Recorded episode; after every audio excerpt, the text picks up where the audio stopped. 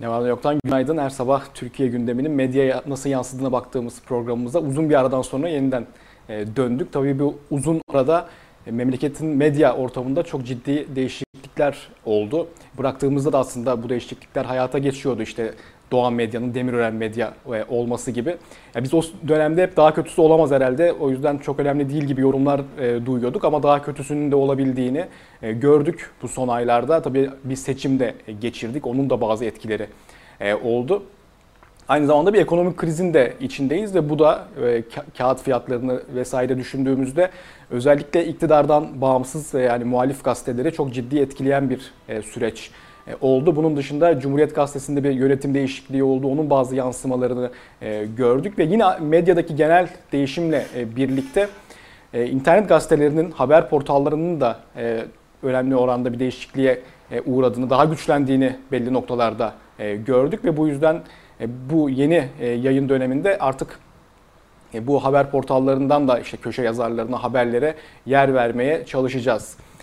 Evrensel'in manşetiyle başlayalım. Değiş, bunla, değişen şeyleri e, saydık. Değişmeyen şeylerden biri ekonomik krizin e, varlığı ve Evrensel'in e, manşeti de biraz öyle. Asgari ücretli resmen aç diyor Evrensel. Tanzim satışları fiyatları dengelemedi. Enflasyonla topyekun mücadele etkisini yitirdi. Açlık sınırı 2028 TL'ye çıkarak asgari ücreti solladı diyor Evrensel. Bununla bağlantılı olarak başka ekonomi haberleri de var krize ve yoksulluğa karşı mitinge yasak getirilmiş. Örneğin Lüleburgaz'da Lüleburgaz Emek Platformu'nun düzenlemek istediği miting yasaklanmış. Tabii memleketteki e, ekonomik vaziyet böyle olunca bunu sokakta dile getirmeyi de yasaklamak e, gerekiyor yönetenler e, açısından. Bu bakımdan ya, o hal bitti ama işte o hal uygulamaları halen e, devam ediyor.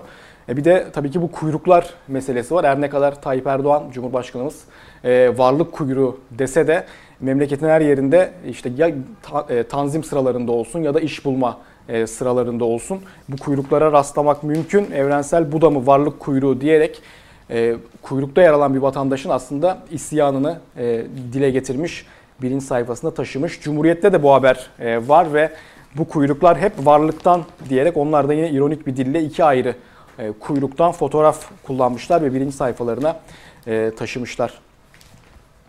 Bir günde kriz geldi, anket bitti manşeti var. Erdoğan son günlerde biraz anketlerden e, şikayetçi biliyorsunuz.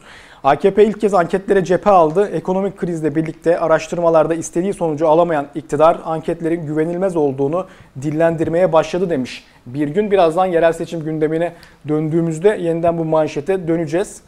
Ee, karar Tanzim 15 güne biter diyerek bakanın ağzından bir e, manşet atmış. Seçim yolundaki Türkiye'de gıda fiyatlarındaki artışa fren olarak devreye sokulan halk sebze uygulaması seralarda yeni mevsim ürünlerinin çıkacağı Mart ayında bitecek. Tarım Bakanı Pakdemirli sebze ve meyvede tanzim satışlara en fazla 15-20 gün daha ihtiyaç olur dedi. Zaten e, bu tanzim meselesi ilk gündeme geldiğinde de bunun Mart ayına kadar e, ne tesadüf ki seçime kadar aynı zamanda e, sürecek bir uygulama olduğu belirtilmişti. Hazine ve Maliye Bakanı Berat Albayrak o da aynı Tayyip Erdoğan gibi pembe tablolar çizmekte çok mahir ortam ne kadar kötü olursa olsun. E, o da 2019'da 2,5 milyon yeni istihdam e, alanı açacaklarını e, söylemişti. 2,5 milyon kişinin iş bulacağını e, iddia etmişti. Tabii bu çok ciddi, yani çok cesur bir iddia ama nasılsa zaten seçim dönemindeyiz. Eğer bol keseden siyasetçiler iddiaları ortaya atıyorlar. Sözcü yazarı Murat Muratoğlu da iş olsun torba da olsun başlıklı köşe yazısında bu iddianın e, ayakları ne kadar havada olduğuna e, değinmiş. Şöyle diyor. Ülkede resmi işsiz sayısı 4 milyon. Berat Binali ikilisinin vaatlerine göre 2019'da 3 milyon kişi iş bulacak. Ülkede sadece 1 milyon işsiz kalacak. Siz bu hedefleri tutturun. Kalan 1 milyon kişiye bizzat ben iş veriyorum. Al sana sıfır işsizlik. Maksat dünya bizi kıskansın, bizden ders alsın e, diyor Murat Muratoğlu. Ya şöyle de bir hesaplama da yapmış. Şu andan başlayıp her bir dakikada bir kişiye iş bulsa 2,5 milyon kişi ancak işe girer 4 yıl 9 ay sonra. Her gün 1000 kişinin çalıştığı dev bir fabrika açsan, fabrika sayısında 2500'e çıkartsan 6 yıl 10 ay sonra verdiği söz ancak tutar. Söz vermek ne kadar kolay. Ee, az önce dediğimiz gibi yani bol keseden atıyor siyasetçiler. Murat Muratoğlu'nun Murat Muratoğlu'nun rakamları da biraz öyle. Çiğdem Toker de yine sözcüde ki köşe yazısında e, Berat Albayrak'ın verdiği bu rakamların uçukluğuna e, değinmiş ve hani bu fabrika kurmaktan bahsediyor Murat Muratoğlu. Onun tam aksi üretimin e, iyice azaldığı bir e, Türkiye gerçekliği de var. E, Çiğdem Toker de yazısında e, buna değinmiş ve salonda top üyesi bir e, iş insanının Berat Albayrak'a bir dosya sunduğunu belirtiyor. Orada da işte bu üretimde yaşanan sıkıntılara e, değinildiğini Toker e, köşe yazısında belirtmiş. Yerel seçim gündemine e, bakalım. Tabi seçime kadar e, bu kaçınılmaz. Bu haberler çok sık olacak. Evrensel'in e, birinci sayfasında bağımsız adaylara e, yer verilmiş. İşçi adayına destek için işçi fonu oluşturdular haberi var. Kocaeli Büyükşehir Belediyesi bağımsız başkan adayı Reyhan Başaran'ın seçim kampanyası için işçiler kendi aralarında para topladılar deniliyor haberde. E, Tekirdağ adayının yine seçim çalışmalarından bir haber var. 1 liralık tatlıyı bile satamıyorum. E, Tekirdağ bağımsız adayı Tuncay Savuroğlu'nun konuştuğu, yıllardır tatlıcılık yapan Mustafa Coşkun'un ifadesi bu. E, Kayseri'de de Kayseri Belediyesi işçilerin ve kadınların olacak e, diyerek bir haber var evrenselde. İhsan Çaralan'ın köşe yazısı var. Yerel seçimde bağımsız adaylarla mücadele başlıklı. Orada şu vurgu yapılmış.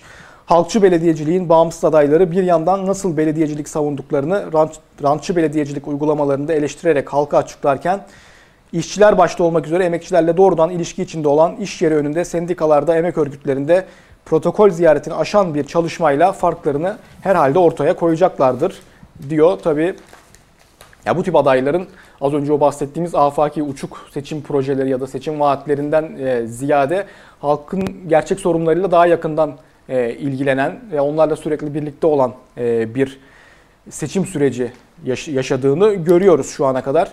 Kamil Tekin Sürey'in 200 metre başlıklı köşe yazısı yine bir yandan bu e, işte bol keseden atan vaatlere e, değiniyor. Şu kısmı ben e, öne çıkartacağım. Burjuva partiler açısından yerel seçimler kentin rantının nasıl paylaşılacağı kavgasıdır.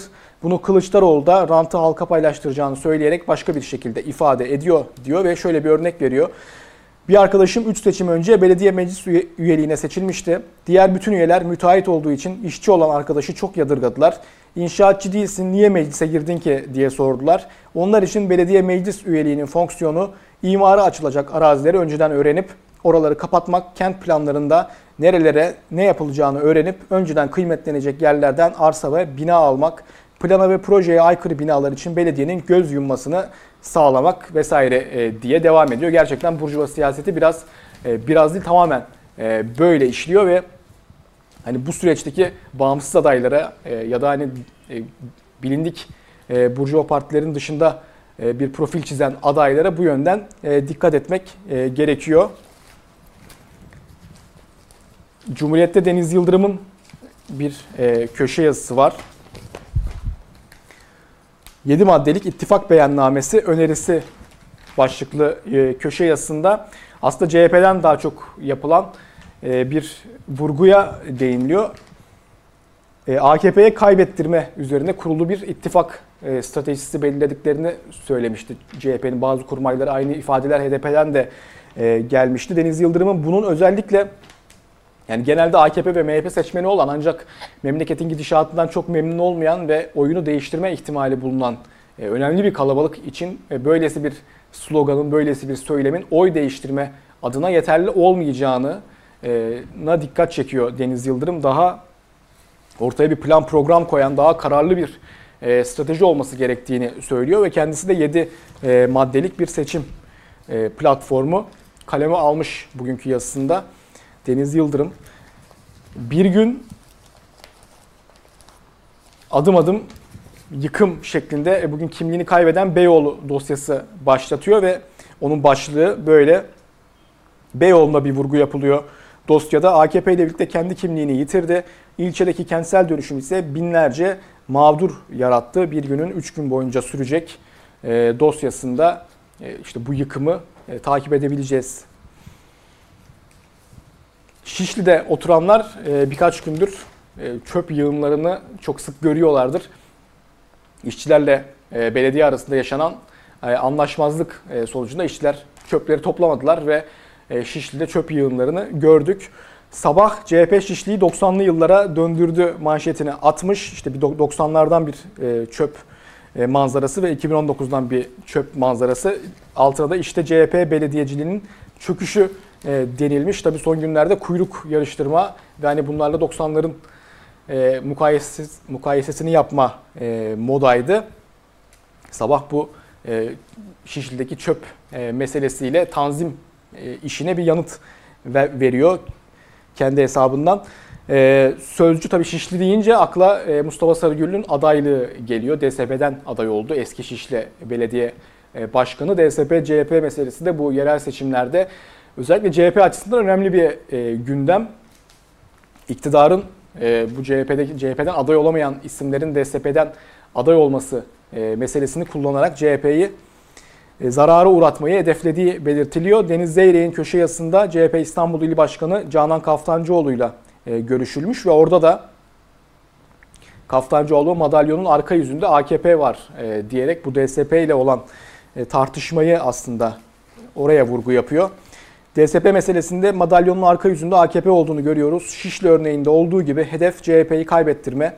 Çünkü DSP'nin hedef kitlesi CHP'nin seçmeni bu kadar net. Şunu söyleyeyim, bu DSP operasyonları karşılık bulmayacak demiş Kaftancıoğlu.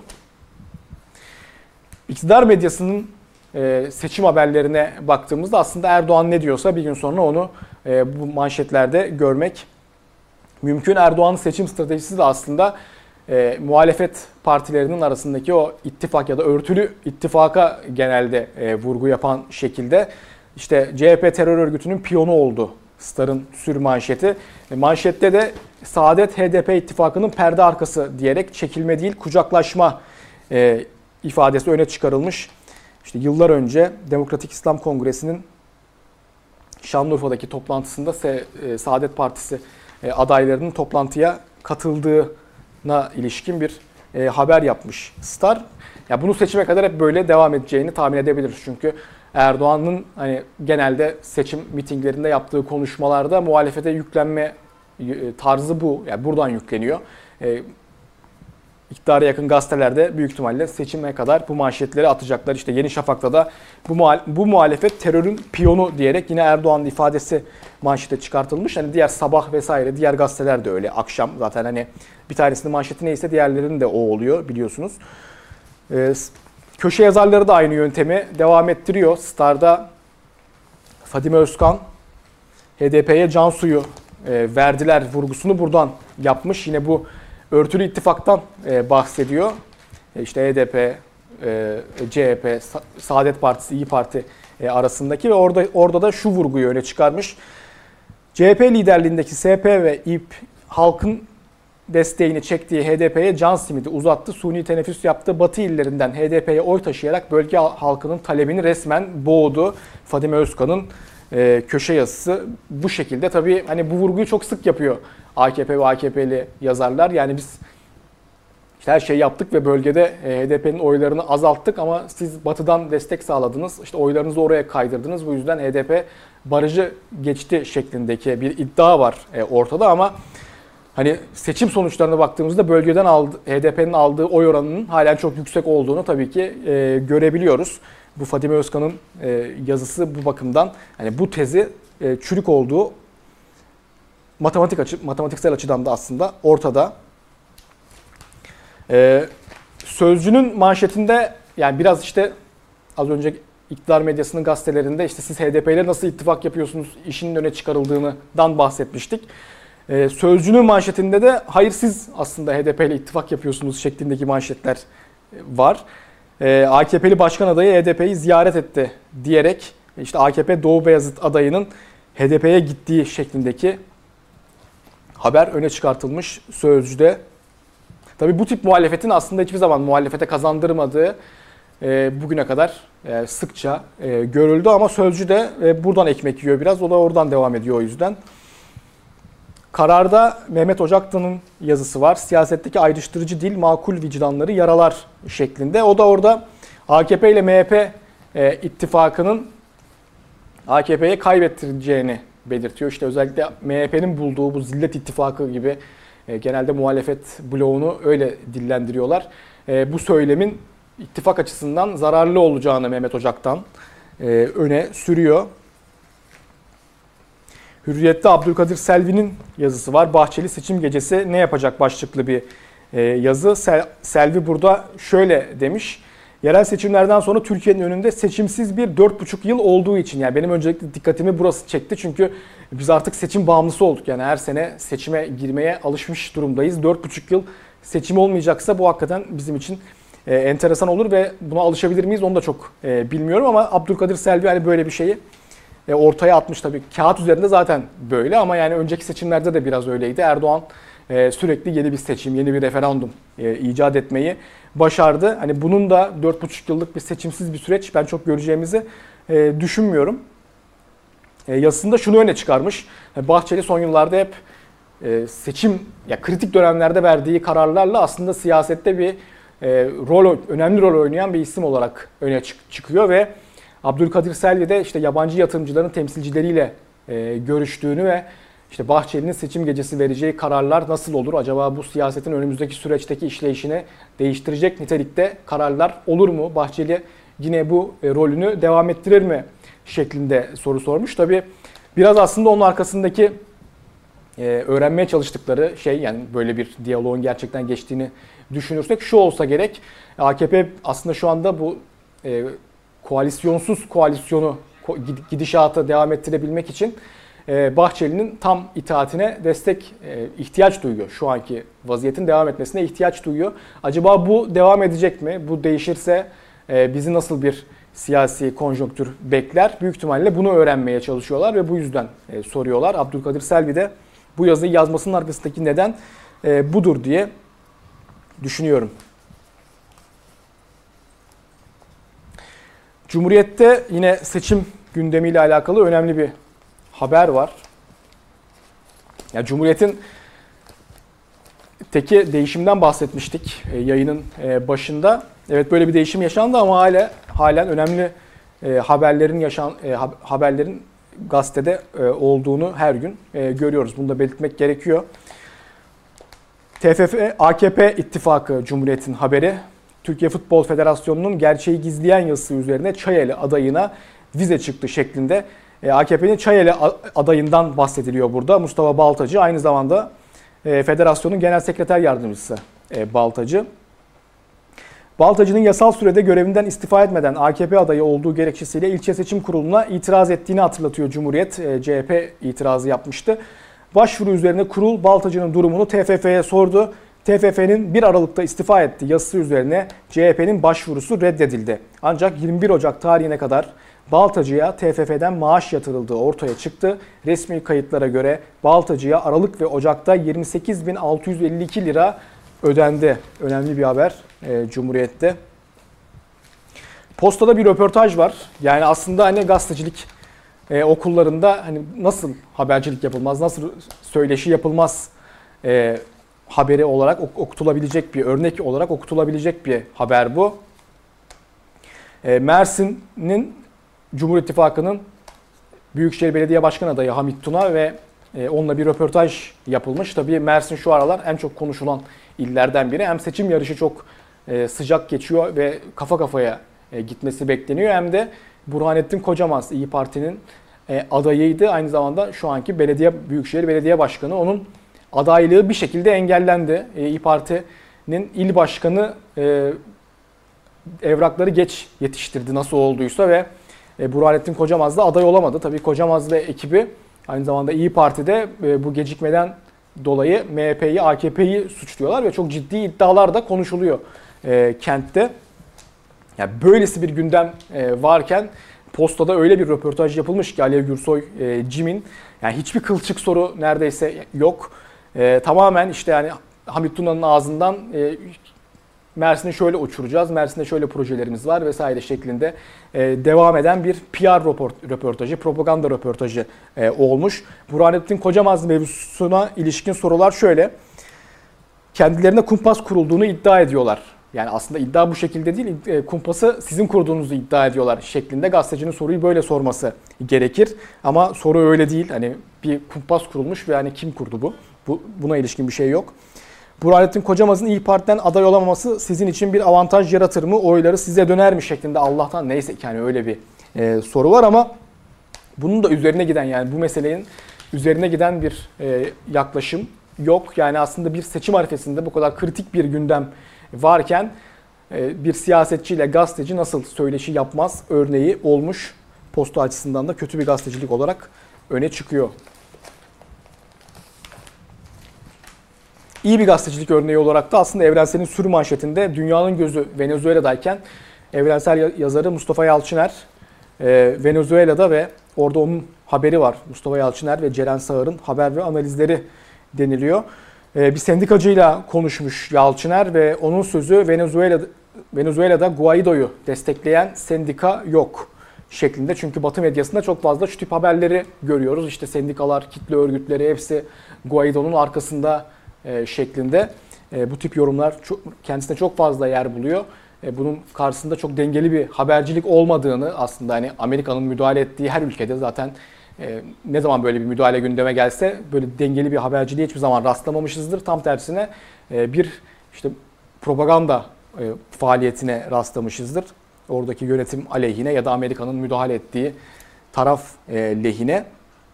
İşte Jacobo Torres konuşmuş e, Mustafa Yalçıner'e ve şöyle deniliyor spotta. Bolivarcı Sendikalar Birliği merkezinden sendikaların Guaido'yu destekledikleri yöndeki haberleri soruyoruz. Gülüyor. Guaido'nun yanında tek bir sendika yok diyor. Torres'e göre muhalefet cumartesi günü sınırlarda yenildi ve püskürtüldü.